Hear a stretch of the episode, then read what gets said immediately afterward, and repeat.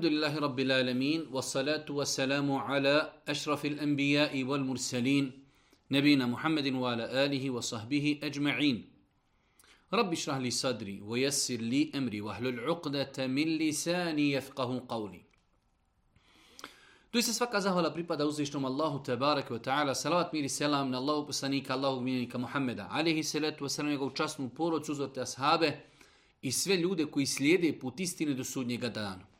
Uvažene braće i poštovani sestre, uvaženi gledatelji, evo nas u još jednoj emisiji koju se družimo sa vašim dilemama i vašim pitanjima.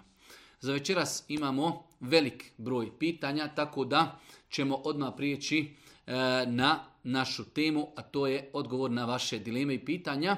Svakako, kao što smo mnogo puta ponovili, doista je mnogo pitanja koja stižu na naš e-mail. Ne možemo stići s aspekta broja, a s druge strane određen broj pitanja doista je težak, iziskuje dodatna istraživanja, pa čak možda do te mjere da to treba da bude e, pitanje koje treba da istražuju i institucije ili veliki, veliki učenjaci. Tako da unaprijed znači, tražimo halala od svih onih kojima ne, e, odgovorimo na njihova pitanja. Prvo pitanje, e, želim da se vjenčam šerijetski sa momkom, inšallah. Pitanje je, E, pitao je moju majku i brata za dopuštenje i odobrili su. I tako dalje. Znači, pitanje se e, odnosi na činjenicu kada dijete živi sa majkom, a otac je razveo majku i prosac je pitao majku njenog e, znači brata, oni su mu dali saglasnost. U svakom slučaju glavni staratelj u braku, e, odnosno glavni staratelj eh, djetetu, ženskom djetetu jeste njegov otac. To što je otac razveden od majke ne znači da možemo od njega e, uzeti ili poništiti njegovo starateljstvo. Tako da kada je u pitanju brak, djevojka prvenstveno treba da pita oca i traži njegovu saglasnost E, budući prosac treba da traži saglasnost oca. E sada, može se desiti situacija da dijete nije u kontaktu sa svojim ocem, e, da su im loše relacije i tako dalje. U svakom slučaju uvijek je to e, neki prioritet. Prvo se treba pitati otac, otac kontaktirati otac, tražiti njegova saglasnost. Ako bi se doista vidjelo da otac pravi probleme, da ne želi da dopusti iako znači prosac ispunjava uvjete i moralan je i vjernike i tako dalje, tek nakon toga se može razmišljati e, da se starateljstvo spusti na nekoga drugog kao što je u ovom slučaju brat ili amidža ili tako dalje. Ali prva stepenca uvijek u islamu je prva stepenca u islamu je otac. U martu ako Bog da treba da rodim sina, prvo muško dijete i tako dalje, pa je pitanje mi bi da mu damo imena naših roditelja, a i još jedno njegovo dijete. Znači imamo bračni par, žele da svom budućem djetetu dadnu ime od očevog, znači djedovo s maminje strane i sa babine strane i još jedno da mu dadnu ime nakon da mu oni odaberu. Generalno e, ne treba se pod navnim znacima igrati sa pitanjima nadjevanja imena djetetu. Zamislite dijete koji ima sutra tri imena. I kažemo, taj čovjek se zove tako, tako i tako i još plus i prezime. Tako da nema potrebe za ovakvim stvarima. Djetetu treba odabrati jedno ime. Da li ćemo mi dati djedovo ime od oca ili od majke ili neko treće ime? Roditelj treba da se usaglasi i da djetetu dadnu jedno ime, a nikako da mu daju tri imena. Treće pitanje, da li je dozvoljeno stavljati vino u neko jelo koje će se kuhati, a alkohol tokom kuhanja ispariti? Nije dozvoljeno. E, trebamo napraviti dvije razlike. Razlika je kada mi kuhamo i da mi koristimo alkohol i stavljamo u hranu, pa makar to i isparilo, a razlika je kada nam neko već donese produkt ili hranu ili slatkiš u kojem ima mali procenat alkohola, kada smo rekli ako taj procenat alkohola nije toliki da opija insana, takvi proizvodi se mogu jesti. Ali mi kao muslimani, da mi kuhamo i da mi stavljamo, to nije dozvoljeno. E, musliman sam i volio bih razviti naviku za klanjanje u džami, ali je problem što ne znam klanjati.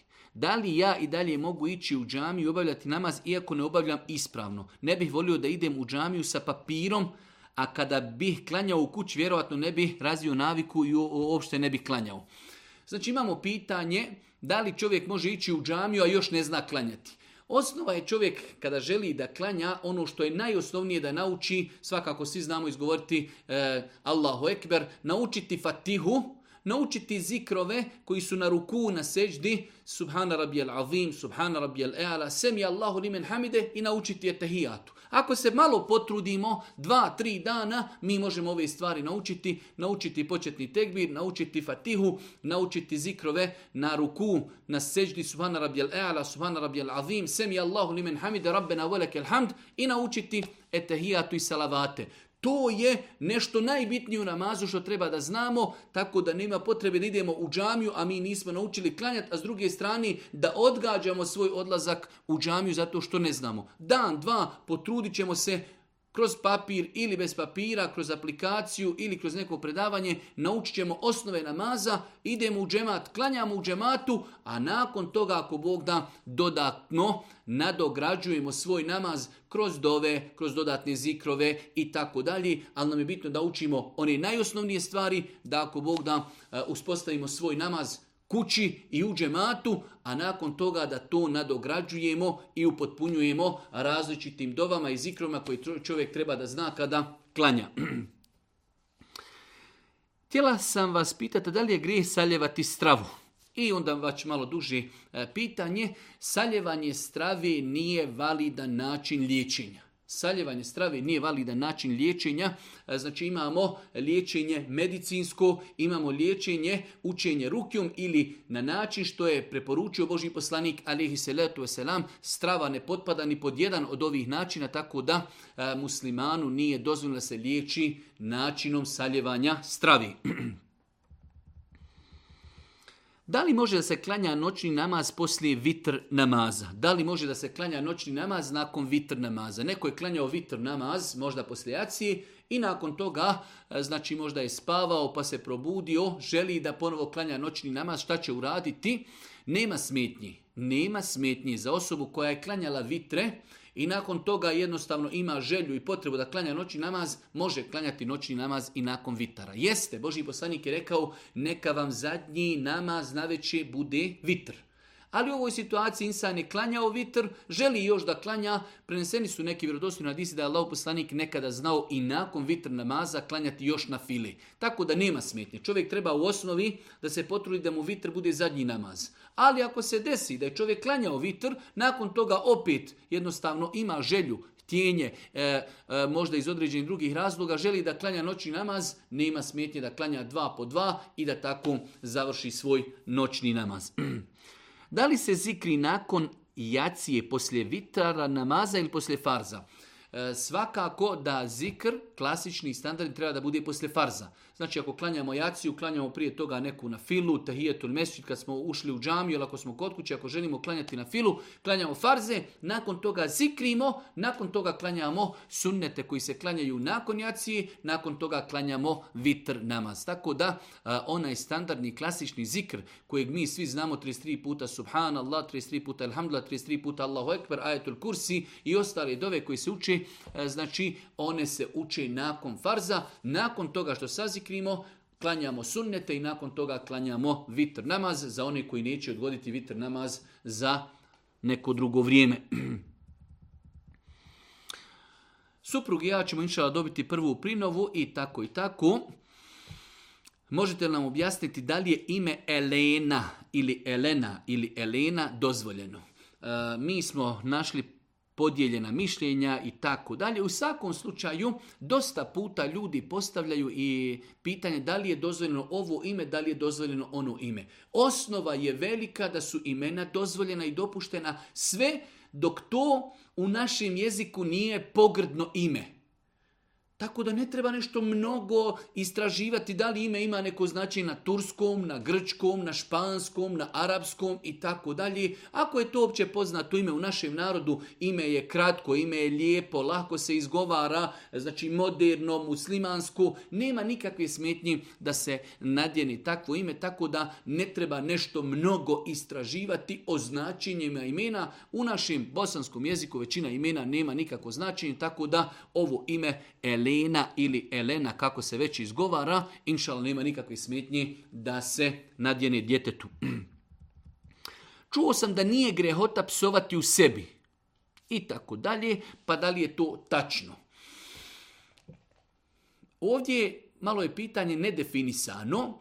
Psovati u sebi. Ako bi čovjek psovao kao plod došaptavanja šetanovim, Znači, dosta se puta dešava da ljudi jednostavno ne može čovjek kontrolisati ono što će mu šetan došaptavati, pa nekada u svemu tome su to i neke psovke, ali sve to u mislima, Znači insan ako Bog da nije griješan svakako treba da to ignoriši, da izbjegava, da uči dove, da se utječe Allahu te bar Ali da čovjek ciljano stani i razmišlja kao ja psujem, ali to je u mislima, svakako da to treba izbjegavati. Nećemo reći da je to zabranjeno, ali treba to izbjegavati jer ono što se čovjeku vrti u mislima samo je pitanje vremena kada će doći, kada će doći na naš jezik. Pa je razlika između toga da imamo došaptavanje, i zna se desiti dosta puta da ljudima šetan došaptava različite psovke, čovjek treba da to ignoriši i da se utječe Allah te barakatala putem e, različitih dova, da ga Allah zaštiti i sačuva od toga.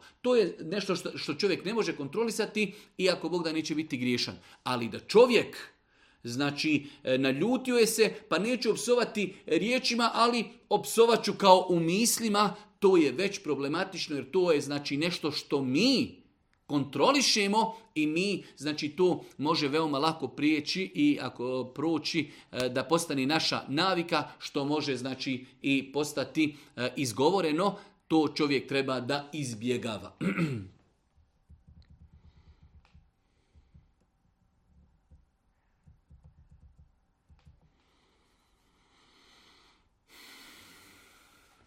Pitanje Majka mi je umrla prije nepune dvije godine i sada je otac nama saopćio da se e, želi ženiti, mene iskreno muči jer ženo koju on želi da oženi nije prekladan za njega i tako dalje. U svakom slučaju pitanje je, e, imamo slučaj gdje je jedna naša sestra, njen umrla joj majka prije dvije godine, otac sada želi da se ženi, e, ženi da ženi osobu za koju ona zna da nije za njega ali on to ne prihvata. Šta mi možemo u svemu tome? Ne možemo ništa mnogo. Možemo sa njim porazgovarati, možemo ga posavjetovati.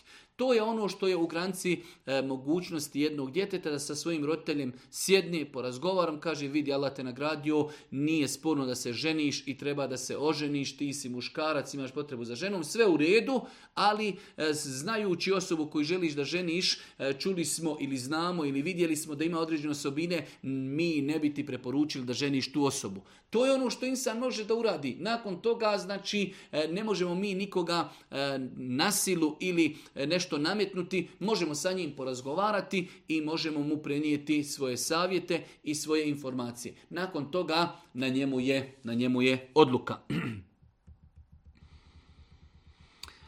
Svo vrijeme sam koristila jednu aplikaciju za praćenje namaskih vremena. Danas sam saznala da je ta aplikacija pokazivala pogrešno vrijeme 10 minuta ranije. Nedavno sam prešla u islam i nisam u kontaktu sa nijednom džamijom u mome gradu i tako dalje.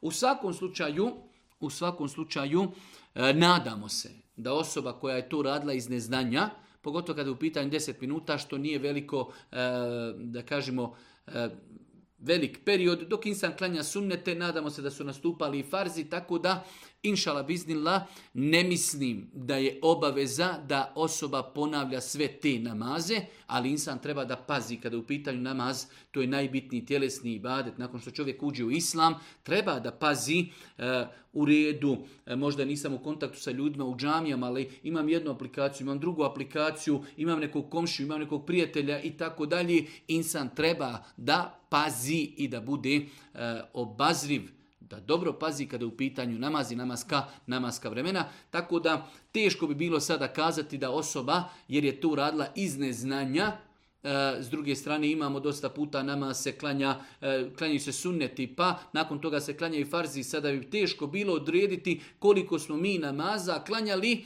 koji su možda klanjani prije nastupanja namaskog vremena. Sve to je rađeno iz neznanja. E, inšala, nadamo se da, da, da insan nije griješan zbog toga, zato što je to radio iz neznanja i da mu nije obavez da ponovi namaze, ali se u budućnosti treba paziti kada je u pitanju nastupanje namaskih vremena.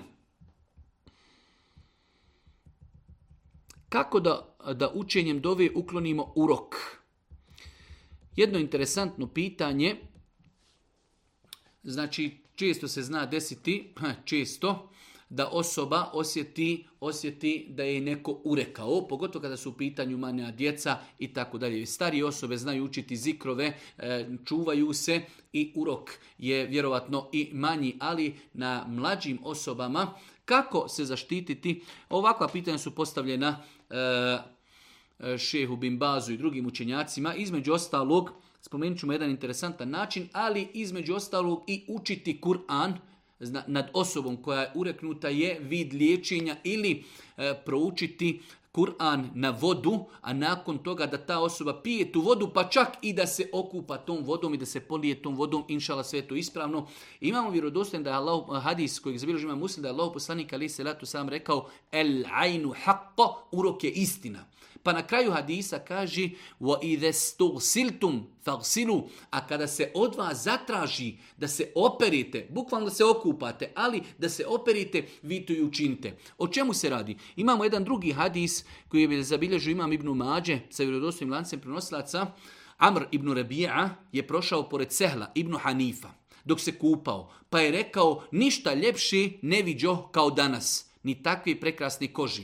Jedan ashab je prolazio pored jednog čovjeka koji se kupao, znači vidio je dio tijela koji mu je otkriven, pa ga je zadivila bjelina njegove kože, pa je jednostavno, znači svojim pogledom urekao tog insana.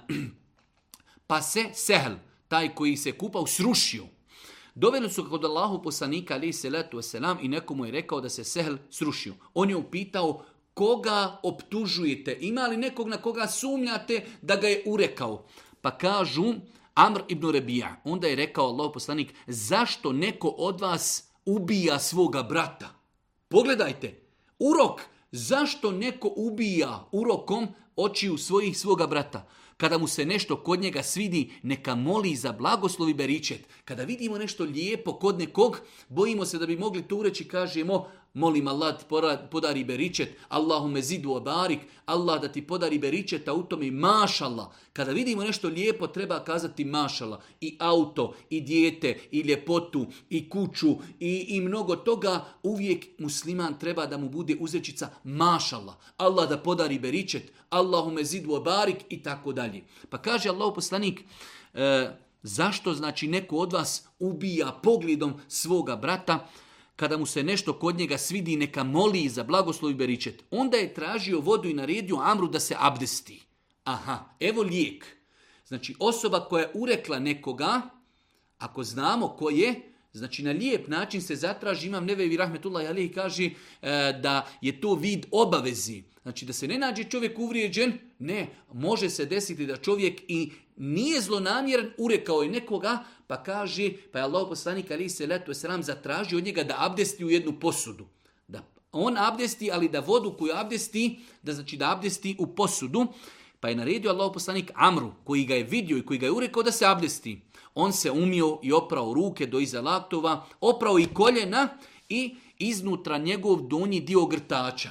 I svoj dio grtača kojeg nosi, on je isto smokrio u tu posudu, zatim mu je naredio da ga polije tom vodom.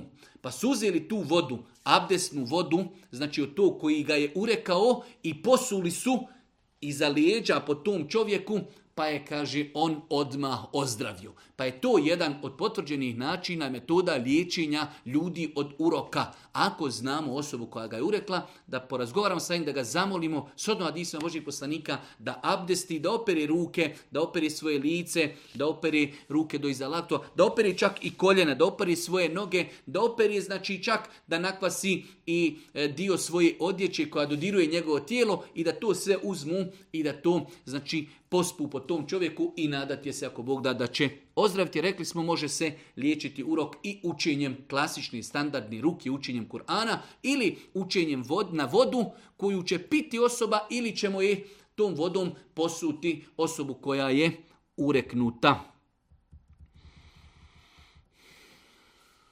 Jedno malo duže pitanje, klanjam hvala Allahu pet namaza redovno još od svoje 16. godine, sada mi 23 godine i sada studiram i tako duže pitanje. Uglavnom, e, pitanje je insan nekada klanja namaz u kojem se ne može potpuno koncentrisati zato što jednostavno obaveze fakulte, dunjalu, problemi, pa nekada klanja namaz u kojemu misli, hajde da kažemo šetaju i ne može ih kontrolisati, da li je insan grešan u svemu tome. Insan treba da se trudi da e, svoju pažnju koncentriše se maksimalno kada klanja namaz na ono što uči i ono što izgovara. Svakako da se svakome od nas desi u datom momentu manji ili više da čovjek odlutaju mu misli. Čovjek treba da se koncentriše i da se trudi, da se bori sa tim. A da će biti dio namaza u kojem čovjek neće biti prisutan, to je neminovnost. To je neminovnost, ali čovjek treba da se bori protiv toga, da, da se vraća.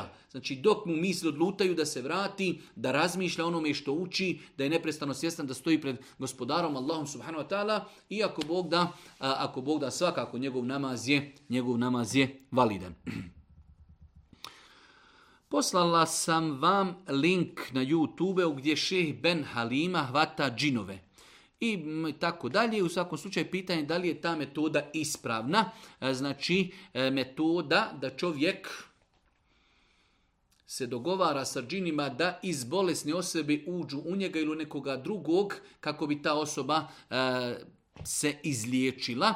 Da li je takav metod, da li je takav metod liječenja ispravan. U svakom slučaju bio je dio učenjaka savremenog doba, pa čak i neki daje na bosanskom e, znači podneblju koji su to dozvoljavali. Ja sam stava da e, je nam dovoljna rukja vjerodostojna ruke, znači učenje Kur'ana i ono što nam je preporučio Boži poslanik ali se od drugih ljekovitih stvari. Ova metoda nosi u sebi nekoliko šerijatskih spornih stvari, tako da ne treba, ne treba pribjegavati korištenju ove metode prilikom liječenja bolesnih osoba od znači bolesti e, džinsko-šetanskog djelovanja. Beba će mi, ako Bog da, imati tri mjeseca i im je. Da li je obaveza postiti? Bojim se da nestane mlijeko ako nije obaveza da li žena mora sve napostiti ili može nahraniti siromahe. E, pitanje vezano za Ramazan, u toku Ramazana, kao što ova sestra spominje, dijete će joj tada imati tri mjeseca. Da li je obaveza doilji da posti? Mi smo više puta govorili o dojiljama. Dojilje su kategorije, e, kategorije koje potpadaju pod obavezu posta. Tako da doilja treba pokušati postiti. Ako vidi da joj post šteti, ako vidi da joj post umanjuje mlijeko, ako vidi da ne može izdržati, onda neće postiti, potpada pod kategoriju e, bolesnih ili iznemogli koji ne mogu izdržati post. Ako boda kada prestane sa dojenjem, ona će te dane napostiti. Bio je dio učenjaka koji smatrao da će se ovakve osobe iskupiti e, tako što će nahraniti siromahe, ali ja sam stava da znači treba sačekati pošto to nije hronično oboljenje, nije to nešto što traje čitav život. Žena će dojiti dijete mjesecima ili godinu dana, nakon toga prestati, nakon toga će napostiti dane koje nije postila. Da li je haram i grije da nam neko drugi klanja istihare namaz? Istihara namaz treba da se klanja od strane osobe koja ima potrebu. Mi smo od istihari napravili cirkus, mi smo od istihari napravili cirkus, E, istihara je jedna normalna stvar koja je ashabima bila e, svakodnevnica. Boži poslanik Ashave podučio nam e, dovi u istihari kao što je podučavao kuranskim surama. Čovjek kada želi donijeti neku odluku u životu, hoće da putuje, hoće da kupi nešto, hoće da pokrine biznis, hoće da se oženi, hoće da, uglavnom želi da donese neku bitnu odluku u životu, klanja dva rekiata, nakon selama ili prije selama prouči tu poznatu dovu koju je Boži poslanik Ali se letu sram preporučio da se uči e, u istihari gdje se moli Allah da nama podari ono što je nama korisno dunjalku i na hiretu. Tako da to radi neko za nas je nelogično i to je jedan vid cirkusa. Tako da, znači, e, u islamu nije mi poznato, postoji nešto da neko za nekoga klanja istiharu namaz, istihara namaz se klanja za sebe. Molim vas, možete li mi odgovoriti na sljedeće pitanje, jesu li u istom rangu konzumiranje alkohola i duhana i drogi? Riješite nam dileme i spaste nas bespotrebnih rasprava. da li su na istom stepenu? S aspekta dokaza, dokaz o zabrani alkohola je jasno potvrđen Kur'anom. Dokaz jasno, s aspekta znači dokaza, ne možemo tvrditi da je zabrana alkohola i droge i duhana na istom stepenu, pošto je alkohol jasno zabranjen Kur'anom, sunetom Božeg poslanika, ali se Duhan i droga su zabranji e, kroz opći argumente u kojima se zabranjuje ono što je štetno, a droga se isto može zabranjivati s aspekta onoga što opija. Tako da... E, mi treba da gledamo je li nešto zabranjeno ili ne. A šta je na većem stepenu, ne trebamo se time mnogo opterećavati. Alkohol je apsolutno zabranjen, u to ne smijemo sumnjati. Droga je apsolutno zabranjen zato što opija, zato što šteti. Duhan je zabranjen zato što šteti, zato što se na taj način uništava i metak i zato što e, to smeta ljudima iz našeg okruženja. Sada, na kojem stepenu su te zabrane, ne trebamo se mnogo time opterećavati koliko musliman treba da se opterećuje, je li to zabranjeno ili ne. Sve tri spomenute stvari, alkohol zabranjen, duhan zabranjen, droga zabranjena. Stepen zabrani sigurno može biti tu variranja, ali znači nas interesuje, ne mora značiti, pošto imamo u islamu e, velike grijehe, imamo male grijehe, pa i veliki grijesi svi nisu na istom stepenu, tako da ne trebamo se mi mnogo umarati, je li to sve na istom stepenu, mi treba da znamo propis da je to sve zabranjeno.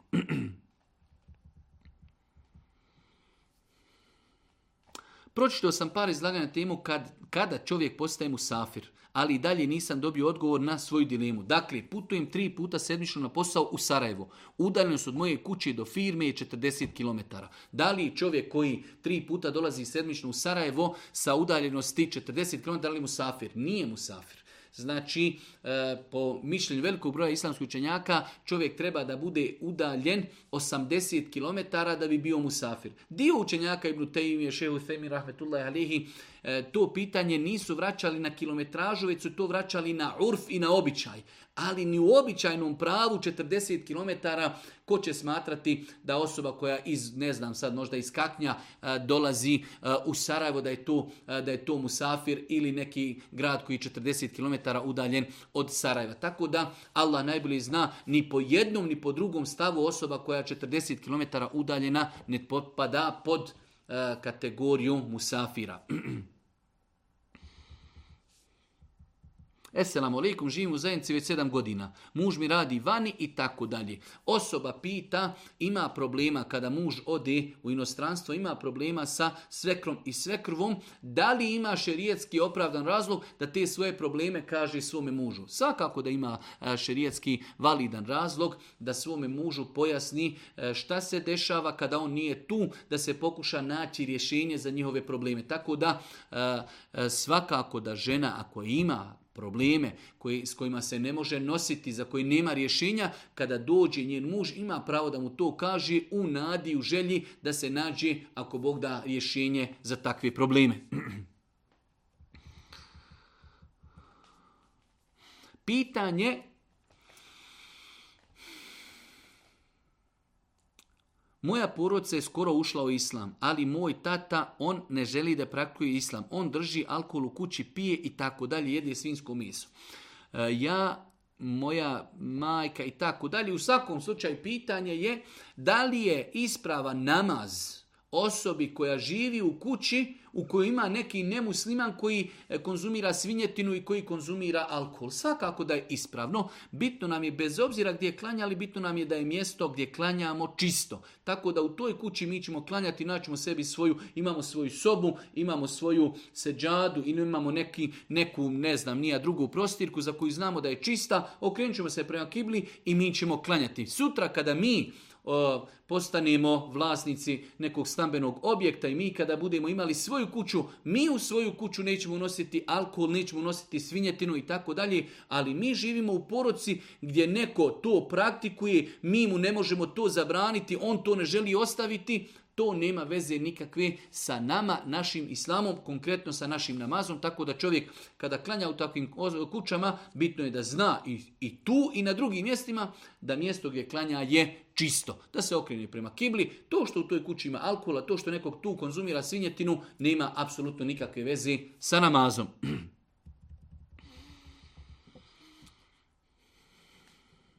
Vjerujem da su, mm, međutim, e, ovako, Pratim vaše emisije o pitanjima i odgovorima. Vjerujem da su vaši odgovori tačni. Međutim, postoje ljudi koji misle da su osobe sa bradom vehabije, da ne bi trebali biti kao ti vehabije, islamski učenjaci i da na neki način shvataju, stvaraju nova pravila u islamu, sa čime se, vjerujem, mnogo nas ne slaže. Koji je vaš stav o tome?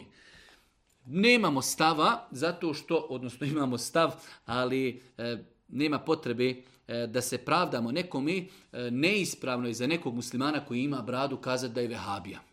Osoba koja nosi bradu može pogriješiti u nekim svojim postupcima i treba mu e, te njegove postupke spomenuti kao grešku. Ali to što je neko pustio bradu, za njega kažemo da je vehabija, je uvreda i neispravna stvar. Puštanje bradi, znači je sunnet Božije poslanika, kada kažemo sunnet, tako je radio Boži poslanik, ali u njegovim hadisima on je naredio puštanje brade tako da osobe koje nose bradu su ispunile imperativ, naredbu u kojoj Boži poslanik naređuje puštanje bradi. Tako da ne smijemo sebi dozvoliti da zbog eh, prakticiranja jednog sunneta određenu e, skupinu i grupaciju ljudi da ih, da ih etiketiramo zbog toga što imaju bradu.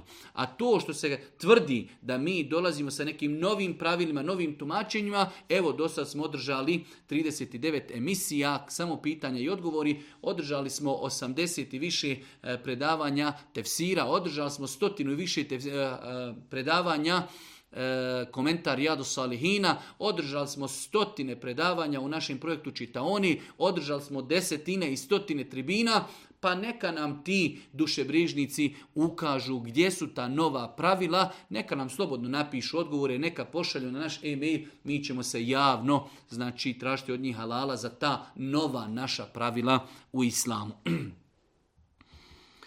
Koliki je grijeh baviti se kriminalom, prodajom droge?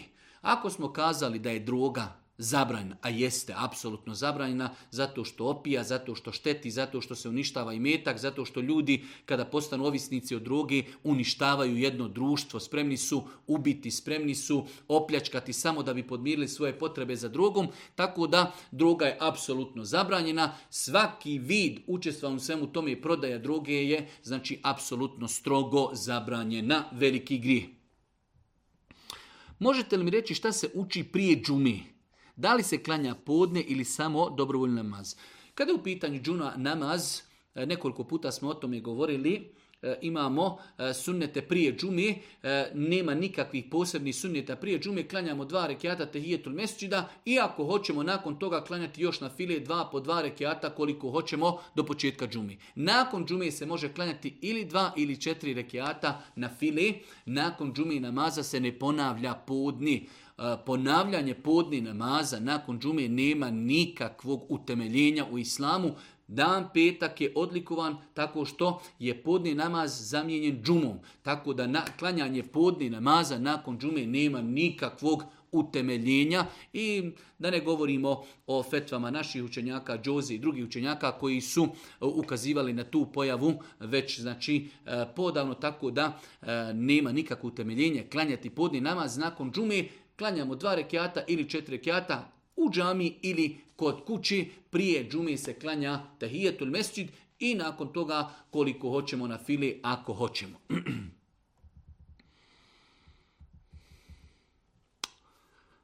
Pošto islam usavršen s Muhammedom a.s. u šta su, u šta su ljudi vjerovali prije njega i da li su klanjali namaz Adem i Hava. Da li je namaz počeo s objavom Kur'ana i tako dalje. E, Uzvišnji Allah s.a. je stvorio zemlju i nebesa Stvorio je Adem a.s. njegovu suprugu, od njih je nastalo čovječanstvo, tako u šta su ljudi vjerovali, ljudi od početka, Znači, Allah Žešanu u poslanike da ih pozovu, da ih poduči, da je uzvišnji Allah tala gospodar zemlje i nebesa i da se samo njemu ibadeti čini. I ljudi su kroz historiju uvijek se vraćali tauhidu, monoteizmu i robovanju uzvišnjom Allahu. Bile su E, epohe, bili su periodi kada su ljudi odlutali, odlazili su od tog pravca pa su se e, robovali e, kipovima i razno raznim drugim božanstvima, ali od Adema ali se ratu selam do Muhammed ali se ratu selam Allah je čovečanstvu neprestano slavu poslanike da ljude vrati na džadu, da ih poduče koji je njihov gospodar i kako da robuju gospodaru. Da li je bio namaz propisan ljudima prije nas? Jeste. Imamo dosta kuranskih ajeta što direktni, što indirektni koji ukazuju e, da su i prijašnjim poslanicima i prijašnjim narodima bili propisani namazi za koji ne možemo tvrditi da li su bili tačno, apsolutno identični našim današnjim namazu, ali namaz kao pojam, e, namaz koji ima seždu, koji ima ruku, znači sigurno je postojao u e, životima i poslanicama prirodnih poslanika a znači da li je identičan našim poslaniku, to ne može, da li je identičan našim namazu, ne možemo to odgovorno tvrditi. Dragi Elvedine, povodom nastupa mjeseca reče pa na društvenim mrežama se šire čestitke, te u njima piše da čestitanje nastalog mjeseca osoba koje su čestitale e, džehennem se zabranjuje znači nastupa mjesec Ređep, pa ljudi šire čestitku, pa imamo e, tvrdnju da onaj ko je čestita i na dolazak za a, e, Ređepa, da će biti takav sačuvan od džehennema. Da li je to tačno? Apsolutno netačno. Znači ne postoji vjerodostojni hadisi koji ukazuju da onaj ko nekoga obavijesti u nastupanju mjeseca ređe pa da će takav biti sačuvan od e, vatri džennema, tako da se insan treba paziti. Dosta puta nam dolaze nekada poruke, pa i ne pročitamo, mi je e, proslijedimo po drugim grupama, drugim ljudima, moramo paziti da, se, da ne budemo od onih koji e, šalju i šire laž na Božijeg poslanika. Širiti ovakve stvari je širenje laži na Božijeg poslanika, alihi salatu wasalam, a što je jedan od velikih griha.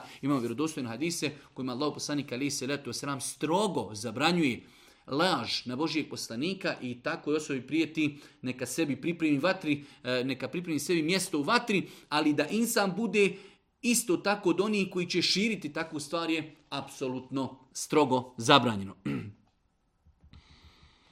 Imam problem sa drugarcom koja ne vjeruje u Boga i uvijek kada joj drug i ja pokušam nešto objasniti, ona ne želi da nas sluša. Kako postupiti u takvoj situaciji? Generalna stvar, čovjek ne treba biti dosadan ljudima. Znači čovjek treba da osjeti kada je vrijeme i prostor, ambijent da se određenim stvarima priča. Ako vidimo da određena osoba ne želi da sluša, napravit ćemo samo kontraefekat.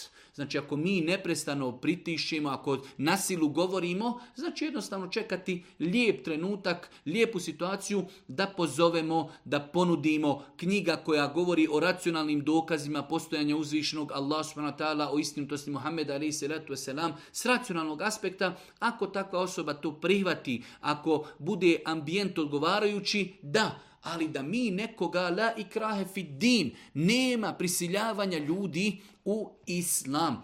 Tako da e, nekada forsiranje određenih pitanja i tema može ljude još dodatno udaljiti još dodatno udaljiti, jednostavno u redu. Pokušao sam jednom, dva put, tri put, neko se ljuti, u redu, ja sam pokušao, pa nakon toga opet kada prođe određen period, kada vidimo da je situacija lijepa, desilo se nešto što možemo mi povezati, znači e, sa dokazima koji ukazuju na postojanje uzvišnog Allaha, indirektno ćemo kazati, evo, Vidite kako nam ovo ukazuje na postojanje uzvišenog Allaha subhanahu stvorenja, događaji, zemljotresi, ne znam određeni stvari, mi ćemo to jednostavno lagano indirektno povezati i dokazati, pokazati da je to pokazatelj postojanja uzvišenog Allaha subhanahu Da li će neko razumjeti, da li neće, to je druga stvar, samo se trebamo paziti da svojim postupcima i pritiscima ne omrznemo ljudima priču o tome.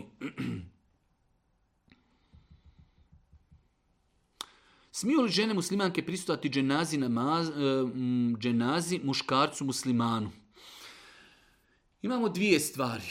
Imamo klanjanje dženazi i imamo slijeđenje dženazi i pristovanje ukopu. Žene mogu klanjati dženazu.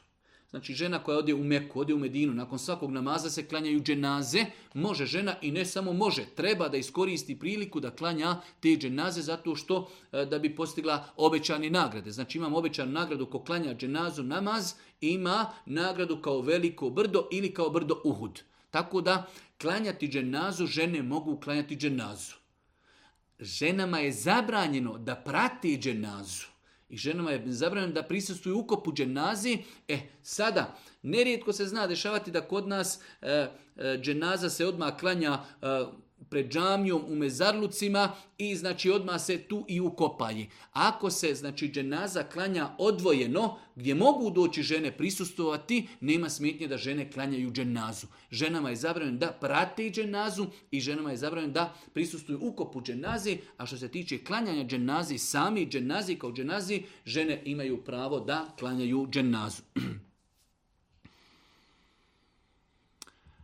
Da li je ispravan namaz ženi koja na parfemisana izađe iz kuće pa kada se vrati kući obavi namaz? Žena se na parfemisala izišla iz kuće, uradila je grijeh. Vratila se kući i klanjala, nema nikakve veze, to su dvije odvojene stvari. Kao da kažete, izišla je žena uh, u prodancu i uzela alkohol, došla kući i klanja namaz. Da li je njih namaz validan?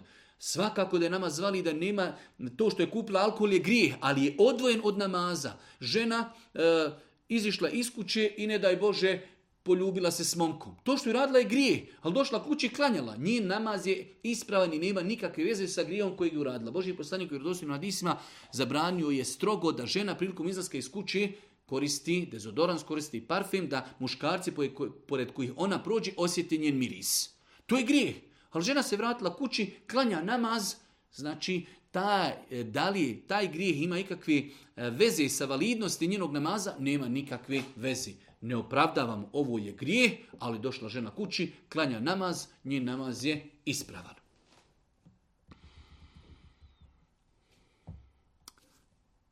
Ovo je naša omladina sigurno. Da li je dozvoljeno sebe ili nekoga drugog nazvati kralju?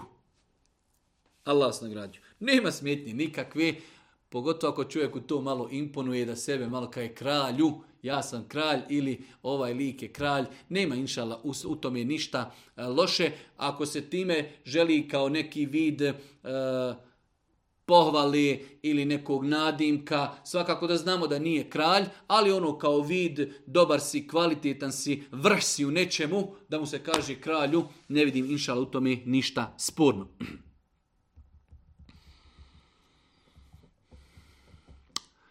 Nalazim se u jako lošoj situaciji, psihički sam ured na kraju. Nešto mi govori da je jedina prava stvar da počnem da obavljam namaz, ali nešto me uvijek odlači, od malena sam činio velike grijehe, najviše blud i tako dalje. Svakako da osoba koja želi da se vrati Allahu da ga nešto odlači. Šta ga odlači? Šeta, ništa drugo. Ne želi da ga izgubi svoje ekipe. Jer insan dok griješi, on igra u prvoj petorci kod šetana. I onda kada insan zasiti se svega toga, kada počne razmišljati o teubi, povratku Allahu, svakako da to šetanu ne ide u prilog. Šetan želi da završiš sa njim zajedno u džehennemu. I šta je tu rješenje? Rješenje je podići ručnu, prerezati, od sutra počinjem klanjati ili od noćas ili od danas počinjem klanjati, svakako da će biti tu trzavica, da će šetan e, vršiti pritisak na čovjeka, došaptavati, nagovarati, ali to je normalna, normalna, hajde kažemo, reakcija, tako da insan e, ne treba da ga to zbuni, e, šta je sad ovo nešto mi kao da mi ne da, ma šetan ti ne da, ništa drugo, samo podigni ručnu, abdesti i ako Bog na počni klanjati, pa ćeš vidjeti da to ako Bog da i tekako, i tekako može. Imamo jedno pitanje koje je inako jedan vid vjerovatno i vesvesi. Ako sam u toku uzimanja abdesta prvo isprao nos ili znači napravio neku grešku, pa želim da počnem ponovo abdestiti, da li moram ponovo izići iz toaleta, pa ući lijevom nogom, prušiti dobu, pa početi abdest? Znači osoba je postavila dva različita pitanja ako napravim neku grešku u abdestu da li ću početi ponovo abdestiti ili moram izići iz toaleta, ponovo ući lijevom nogom, proučiti dovu i početi se iz početka. Malo, hajde da kažemo, e, čudno pitanje, ali svakako insan koji, evo primjer radi, abdestiju se i znam, sigurno sam pogriješio. Ništa, počinjem ponovo iz početka, bez ikakvog izlaska iz toaleta, bez ikakve neke posebne proceduri. Ako bi mogli da mi pojasnite kako se računaju koljena u islamu, kako znati da nam je neko rod ili nije.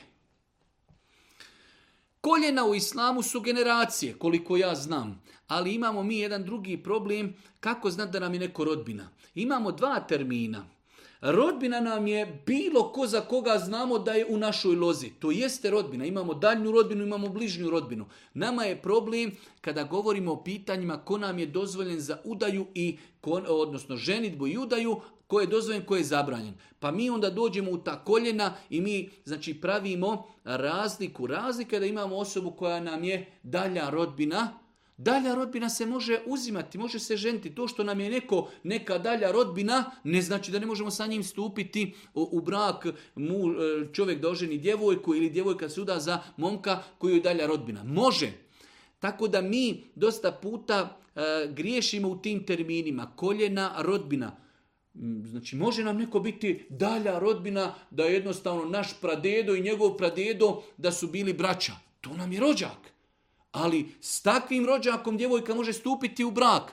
Pa su veoma bitne stvari da razgraničimo to što je neko rodbina. Ne znači da sa njim ne možemo stupiti u brak ako je to dalja rodbina. Znači znamo šta pričamo. E sada, kako znati ko nam je dozvoljen, ko je zabranjen? Imamo kategorije e, žena koje su jasno spomenute Kur'anom i hadisma Božih poslanika koji su islamski učinjaci u svojim knjigama Pobrojali, spomenuli žene s kojima čovjek ne može stupiti u brak. Mimo toga sve je dozvoljeno da čovjek sa takvim osobama stupa u brak, pa makar to bila i neka dalja rodbina. Jedno pitanje, da bi na njega odgovorili, trebalo bi nam sigurno puno vremena, a imamo još neki 30 pitanja da odgovorimo. E, imala bi pitanje vezano za zekijat i za vitr, sadekatul fitr.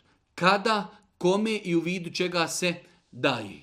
Kada, komi, kada, komi i u vidu e, čega, e, u vidu čega se preporučuje dati. Znači o tome moramo poslušati sigurno jedno predavanje o zekijatu, sadekatul fitr, pa da bi na sva ova pitanja e, dali odgovor. Sada Sadekatul fitr kada se daje, daje se na kraju Ramazana. Zekijat shodno kategoriji iz čega dajemo zekijat. Najčešća kategorija na koju se izdaje zekijat jeste novac.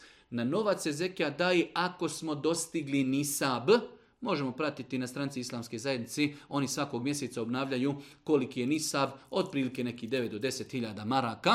I ako su te, ako je taj novac pregodinju, godinu dana smo imali taj novac nikada nije padao ispod te granice nisaba, na taj novac se daje 2,5 odstu. Znači najviše, najviše zekijata se daje na novac. Imamo zekijat na poljoprivredne proizvode, imamo zekijat na stoku, daje se iz stoke u stoci. Znači osoba koja ima 40 ovaca daje jednu ovcu i tako dalje. Poljoprivredni proizvodi daje se u poljoprivrednim, poljoprivrednim proizvodima. Znači e, imamo sadekatul fitr, sadekatul fitr se daje na kraju Ramazana, e, najbolje da se dadne u hrani. Daje se jednoj kategoriji sirotinji. Znači sada kad u fitr bitno je da zapamtimo tri stvari, daje se na kraju Ramazana, daje se u prehrambenim artiklima otprilike 2,5 kile prehrambenih artikala podneblje u kojem čovjek živi i daje se bijedi. Završimo sada katul fitr. Kada je u pitanju zekijat, zekijat se daje na nekoliko stvari, najčešća stvar na koju se daje jeste novac. Ako novac dostigne nisab, i ako taj Nisa i cijelu godinu nikada nije padao, na kraju godine 2,5% dajemo na svu svotu koju imamo. Kako ćemo dobiti 2,5? Svotu koju imamo podijelimo sa 40. Onaj rezultat kojeg dobijemo, to ćemo izdvojiti. Zekijat se daje za osam kategorija koje uzviše Allah tala spomenuo u suri Eteube. Najviše se zekijat opet daje sirotinji, ali imamo i druge kategorije. To je nešto kratko rezimirano o pitanju zekijata i sada katul fitra, a postoje e, mnoga, mnoga druga pitanja vezana za ovu temu. Da li smijem koristiti lijek protiv karcinoma raka, e, karcinoma krvi u kojem proizvođač navodi da je korišteno 2%, za, 2 medicinski alkohol u toku proizvodnje lijeka i tako dalje. Govorili smo nekoliko puta o lijekovima koji u sebi sadrže procenat alkohola, da takvi lijekovi u osnovi e, gledamo na nekoliko stvari, da li postoji alternativni lijek. Ako imamo lijek u kojem ima alkohola i lijek u kojem nema alkohola, svakako ćemo uzeti lijek u kojem nema alkohola. Ako imamo lijek koji ima u sebi alkohola, gledamo s druge strane koliki je procenat alkohola. Ako je procenat alkohola neznatan, do te mjere ako mi taj lijek konzumirali nećemo osjetiti nikakvu opojnost, inšala može se koristiti. S treće strane gledamo kolika je naša potreba za tim lijekom. Ako je to lijek E, za koji mi imamo potrebu do te mjere da nam je u pitanju život, tada možemo koristiti svakako taj lijek, pa čak ako bi u njemu bio i veći procenat alkohola. Nadam se ako Bog da, smo to razumjeli. Dobila sam posao u jednoj većoj trgovini gdje se prodaje i alkohol i duhan i svinsko meso. Radim na odjelu sa frižderima i delikatesom. Nemam dodira sa zabranjenim stvarima alkoholom. Da li osoba može raditi u nekom tržišnom centru, u nekom supermarketu, e, bit će na odjelu gdje nema dodira sa zabranjenim stvarima, iako u tom znači supermarketu ima zabranjenih stvari, ako ima potrebu, ne može naći sebi drugi posao, bitno je da je njen posao te osobe halal i dopušten bitno je da je posao osobe koji radi, njoj, znači da je on u osnovi dopušten, dopušteni halal. Ako čovjeku kažu ti ćeš raditi u ovom supermarketu, u tom supermarketu ima e, ima alkohola, ali ti ćeš raditi na e, znači, odjelu za voće i povrće. Voće i povrće, alhamdulillah, sve dopušteno. Donosiš voće, odnosiš voće, pregledaš voće, vagaš voće. Inšala, takav posao je dopušten i dozvoljen. E, pitanje u vezi noćnog namaza, zanima me mogu li pola sata prije sabah namaza da otklanjam noćni namaz i nakon toga sačekati sabahsko vrijeme. Svakako da može. Znači, e, rekli smo da se vitr namaz može klanjati od jacije pa sve do pojave zori. Tako da je lijepo da onaj ko zna da može ustati, da odgodi klanjanje vitr namaza do pred sabah. Znači osoba ne mora ustajati 3 sata, 2 sata, sat vremena ranije, znači dovoljno je ustati pola sata prije sabaha, nastupanja zori, klanjati dva rekiata noćnog namaza, nakon toga klanjati e, vitr ili klanjati četiri rekata noćnog namaza, nakon toga klanjati vitr, znači pola sata, sat vremena, koliko god možemo ustati, to je to najljepše i najbolje vrijeme, to je zadnja trećina noći, znači e, pred sabah namaz da čovjek ustane da klanja, nakon toga sačeka nastupanje sabaha, kada bude siguran da je nastupio sabah namaz, klanjat će sabah iako Bog da uradio je veliki hajr, klanjao je noći namaz, a i klanjao je e, sabah namaz. da li je dozvoljeno koristiti tespih i da li je to novotarija? E, Allah najbolje zna e, korištenje tespiha ja ne smatram da je zabranjeno, ali svakako da je prioritetnije i bolje da čovjek zikri na prste. Zato što je to potvrđeno sunetom Božijeg poslanika, ali se letu selam i ti naši prstići, ako Bog da, za čovjeka svjedočiti na sudnjem danu. Ali isto tako, ako čovjek ima potrebu, pogotovo ljudi koji su u godinama, ljudi koji su navikli na korištenje spiha, lakše im je da e, broje 33 puta, možda da broje na prste, zaboravili bi ili i tako dalje. Tako da ne vidim, inšala, u tome ništa loše, ali isto tako, ako ćemo gledati šta je bolje, definitivno da je bolje zikriti na prste, ali isto tako korištenje, korištenje spiha je e, metod samo da se izbroji zikr kojeg mi učimo. Znači svi mi kajemo subhanallah, subhanallah, subhanallah, neko broji na prste, a neko broji na znači, tespi, tako da inšala bizla ne treba od te teme praviti neku veliku, veliku temu. Bolje je zikriti na prste i treba ljude podučavati. Znači e, smatram da jedna od stvari, e, pohvalni lijepi stvari, da je Fendije, imami i drugi ljudi trebaju podučavati na dolazeće generacije da je sunnet da se zikri na prste ali isto tako da se, eh, ako se koristi tespi, ako Bog da da to nije problem. Da li je dozvoljno moliti Allah za ljubav sa određenom osobom, pa onda pod pitanja bruku eh, u kojem namazu to raditi, kada to raditi, eh, postoji neka posebna želja i tako dalje. Insan ako ima potrebu da dovi za određenu osobu, onda najbolje da dovi Allahu subhanahu wa ta'ala da mu podari vezu sa tom osobom ako Allah subhanahu zna i ako će veza s tom osobom nama biti od koristi na dunjalku i na hiretu. Nekada mi određenu osobu e, e, zavolimo, simpatija, sviđa nam se, a možda ne znamo da je ta osoba iskvarena, pokvarena. Kad bi sa njom stupili u brak, možda bi to e, bio džehennem na dunjalku prije ahireta. Tako da insan nekada e, pod emocijama zaljubljen jednostavno gleda usko na stvari oko sebe. Zato je najbolje govoriti i dojiti ja rab, ako ta osoba odgovara meni za dunjalku i za ahiret, ako ću uz njega biti dobra vjernica ili dobar vjernik, olakšaj mi e, da se i zavolimo i da se uzmijemo i olakšaj nam brak i tako dalje. Ali ako nije za mene, udalji ga od mene što dalje, E, doviti svojim riječima, ne postoji nikakva posebna dova, doviti u vremenima kada uzvišeni Allah uslišava dove e, u zadnjoj trećini noći između ezana i kameta na seđdi, a svakako vrijeme dove je znači otvoreno, čovjek može kada god želi uputiti dovu.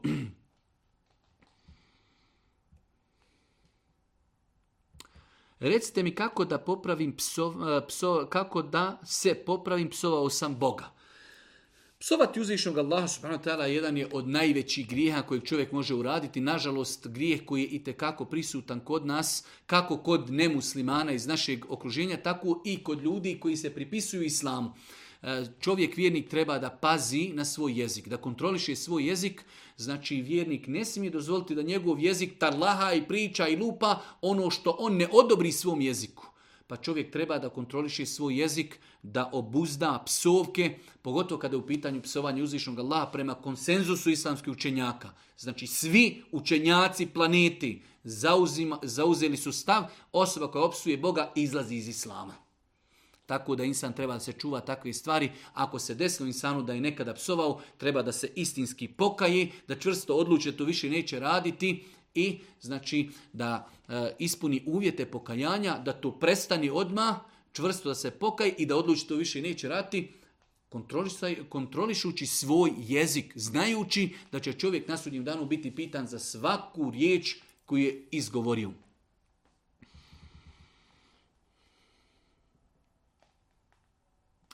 Jedno pitanje, malo poduže pitanje, a pitanje radi se o tome da čovjek kaže večeras na jaci i namazu stao sam mahinalno sa sinom od 5 godina u prvi saf. Ne odma iza imama, nego malo u stranu. Međutim, kada je trebalo krenuti farz namaz, bivamo malte ne istjeran iz prvog safa od strane e, imama džamije zato što dijete ne smije biti u prvom safu. I tako dalje. E, u svakom slučaju, mm, mislim da je neispravna reakcija ovog imama. Prva stvar, e, nema smetnje da djeca budu i u prvom safu. Ako ćemo mak na konac, nema smetnje da djeca budu, ako su došla i prije stari stavala u prvi saf, na osnovu čega ćemo mi kazati neko je došao 15 minuta prije zana i ušao u prvi saf i stao tu, zikri, sjedi i neko došao eh, u vrijeme kada uči jezam i kaže e, hajde ti sad se skloni, ovaj treba da tu stani. Nema tu nikakve, eh, po, čemu damo, da damo privilegiju tom nekom je starijem. Pod jedan, znači ako djeca dođu prije starih u prvi saf, oni imaju i pravo na to mjesto. S druge strane, ako želimo nekoga i posavjetovati, onda nije metoda da ga savjetujemo javno i da ga tako, pod znavim znacima, osramotimo pred džematom. Pa znači, ako se ide sla situacija, pogledat ćemo čovjeka kad završi namaz, uzet ćemo ga za ruku i lijepo ćemo kad vidi Allah te nagradio, ljudi u džematu e, negoduju takvu, e, takvu stvar, Allah te nagradio, vidi kad budeš u buduće dolazio ili stani na kraj safa ili stani u drugi saf, e, ljudi to negoduju, ali da nekoga Eh, osramotimo, da ga kritikujemo, da ga eh, naružimo pred narodom, kakva će biti reakcija tog oca i kakva će biti reakcija tog djeteta. Tako da prva stvar, ne slažemo se eh, sa konstatacijom da treba djecu iz prvog safa vratiti u drugi saf. Ako su došla prije starijih, što ti stariji koji su pametni, koji znaju više od djece, što nisu došli na vrijeme. Ako je došlo dijete prije, zauzelo mjesto, nemamo ga pravo vratiti. To je jedna stvar. Druga stvar, ako evo i već smo zauzeli stav, da djecu treba prebaciti u drugi saf, onda se to ne radi onako kako mi inače znamo, e, bučno, e, da nekog obrukamo i osramotimo, onda ćemo to uraditi nakon namaza, uzeti čovjeka za ruku, pohvaliti ga, Allah te nagradio, mašala, dovodiš svoje dijete u džamiju, druga djeca sada su na igricama, gledaju pornografiju, tvoje dijete u džamiji, Allahu ekber, mašala, svaka čast, ti si pravi otac, za uzora si, ali eto samo imamo par ovih naših djedova, oni se malo ljuti, e, ako djeca ulazi u prvi saf, kada dođeš ili stani na kraj safa ili stani u drugi saf i nadam se da bi se na taj način sve dileme riješile.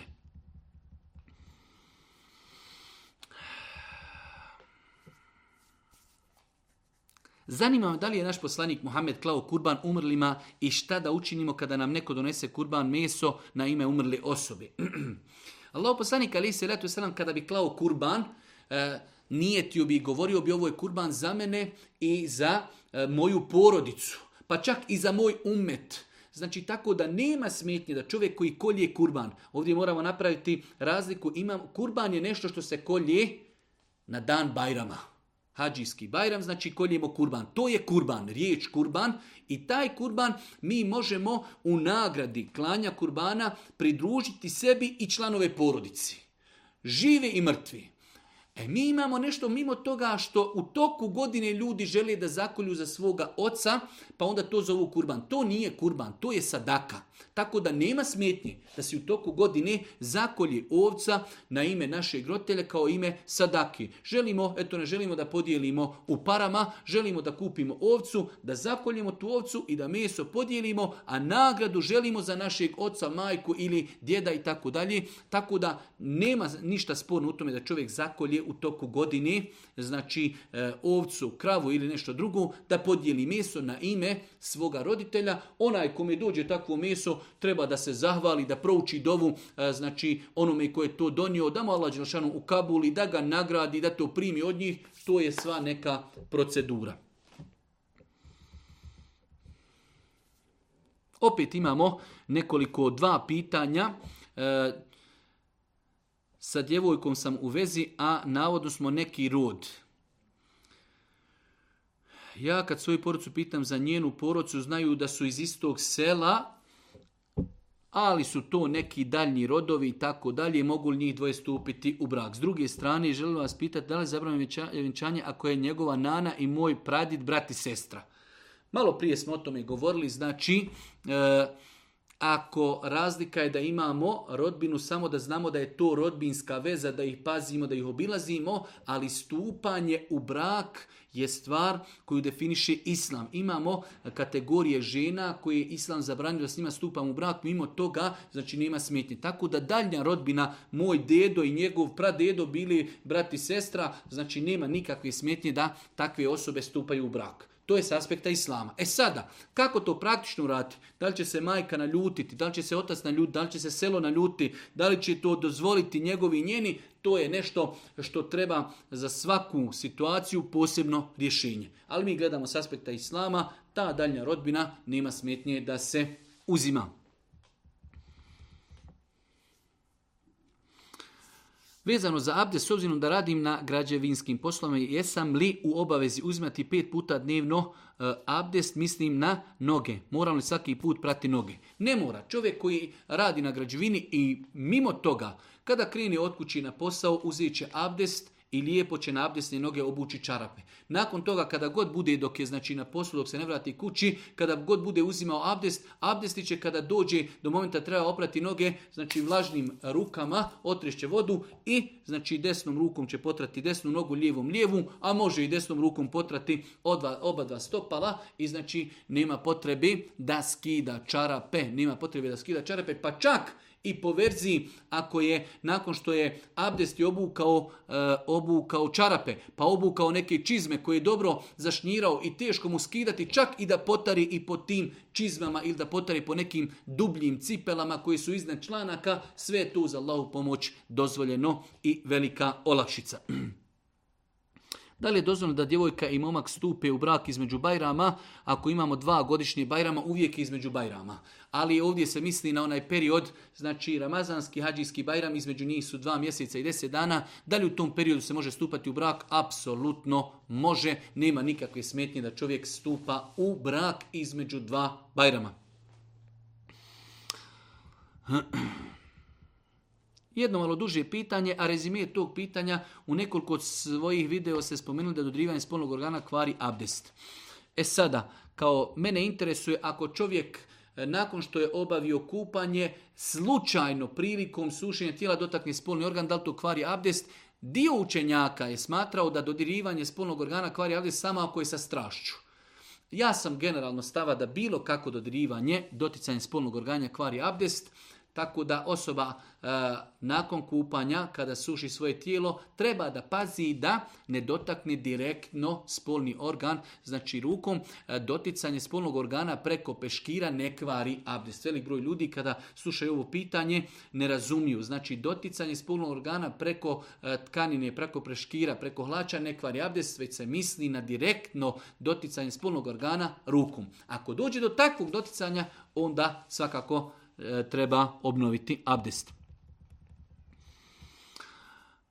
Student sam i nekada im padne na pamet da prilikom učenja, studiranja, pustim sebi učenje Kur'ana preko mobitela da bi mi se srce smilo i tako dalje. Da li osoba može s jedne strane da pusti da uči Kur'ana, vamo da priprema neke ispite, da li je to sporno kao što se nije koncentrisao i samo da e, sluša učenje Kur'ana, nema ništa sporno. Ako to čovjek odgovara, ako ga to opušta, da čovjek može u isto vrijeme da čita, priprema anatomiju, priprema određene ispite, a u isto vrijeme da mu uči Kur'an, nema nikakve smetnje s aspekta Islama. Čuo sam da, naime, da u petak postoji jedan trenutak da kada nešto insan u, toku, u tom trenutku izgovori i zaželi da mu se ta želja ispuni. Da li je to istina? I kada je taj trenutak vidio sam neke momke koji dove i tako dalje. U svakom slučaju postoji vjerodostojne hadisije da u toku dana petka postoji moment, trenutak kada uzviše Allah prima dove. To je potvrđeno vjerodostojnim hadisima. Islamski učinjaci u pogledu tog definisanja momenta e, zauzeli su različite stavove. Dva, dva stava imaju jake dokaze. Prvi stav je da je to period jedan sahatak prije zalaska sunca, da je to posljednji sat e, u danu petku, znači prije zalaska sunca, znači sahatak prije zalaska sunca po velikom broju islamskih učinjaka je period kada se dove primaju. E, drugo mišljenje, jako mišljenje za koje postoji isto validni dokaz jeste da je to vrijeme, da je to vrijeme od momenta kada imam popne se na mimber, znači e, inače praksa Božih poslanika je bila kada bi petkom došao bi, popeo bi se na mimber, nazvao bi selam, učio bi sezan i počinje sa hudbom.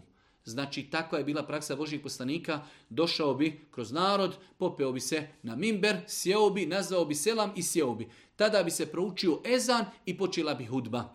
Pa kažu islamski učenjaci, odnosno vjerodostojni argument, to potvrđuju od momenta kada imam se popni na mimber do kraja namaza.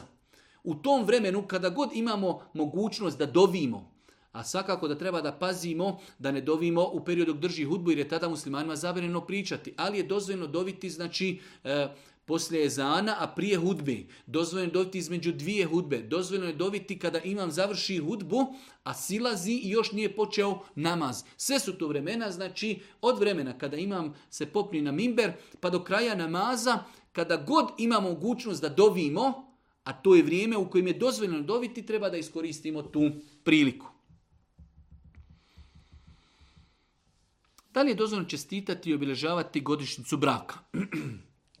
da li je dozvoljeno čestitati i obilježavati godišnjicu braka? Velik broj učenjaka savremenog doba, pošto je to savremeno pitanje, smatrao su to zabranjeni. Velik broj savremenih učenjaka je to smatrao zabranjeni. Ja lično E, sam suzdržan da reknem da je to zabranjeno, jer svi oni koji to rade ne rade to da je to novotarija s aspekta vjerskog, Znači to neko čestitanje ili, hajde kažemo, e, da čovjek izvede suprugu na večeru ili nešto slično, to mi niko to ne radi i kaže ja to radim zato što je to ibadet. Kao što se radi, primjer, radi Mevlud. Mevlud se svake godine vraća, ali ljudi to radi s ciljem da je to ibadet. Zato se za, za Mevludi kaže da je notarija. Za razliku od ovog postupka koji je u datom momentu dunjalučki.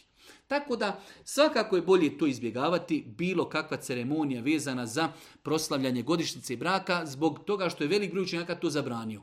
Ali isto tako e, ne možemo kategorički tvrditi da je to zabranjeno, tako da ako to neko i uradi ili na neki način obilježi ne mislim da mu se smije kazati da je uradio haram, ali je to definitivno bolje izbjegavati. Čuo sam da je Mukabela novotarija. Moje pitanje glasi da li onaj koji ide na Mukabelu, to jest da sluša učenje Kur'ana, ima grije?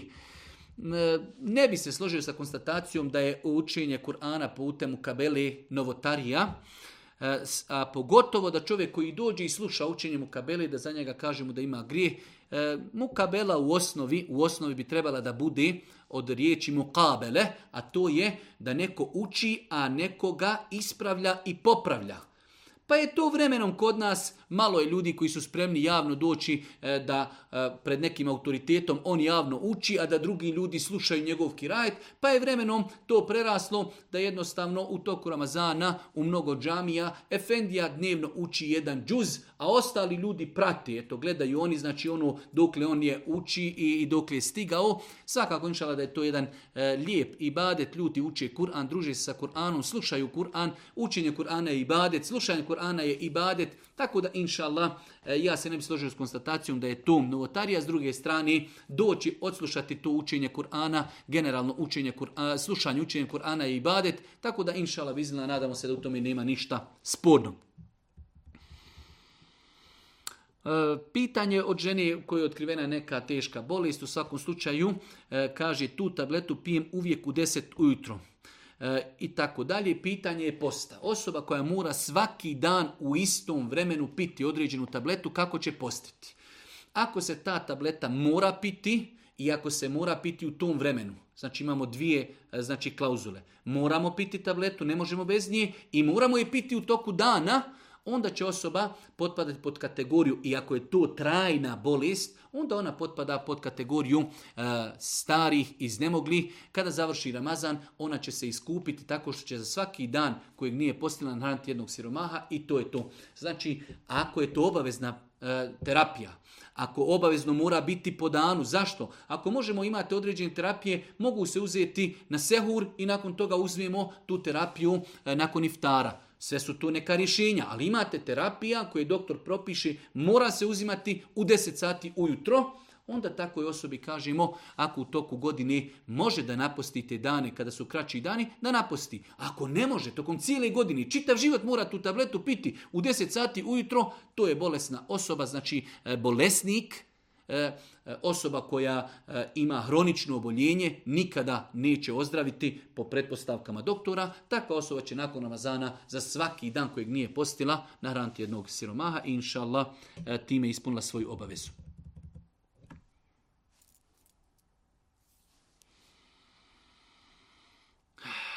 Da li u islamu, odnosno šerijatu, imamo uputu koliko bi proizvod koji prodajemo trebali povećati cijenu, odnosno na cijenu po kojoj smo ga kupili mi kao preprodavači? U svakom slučaju, evo imamo e, mnogo ti još pitanja, ali evo ovo neka bude posljednje pitanje.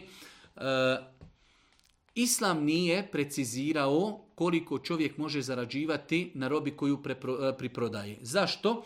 Znači imate, e, e, šta mislite kada bi bilo ograničeno? Imamo robu koja se prodaje, znači kao što je hljeb. Čovjek proda dnevno možda u nekoj pekari hiljede hljebova.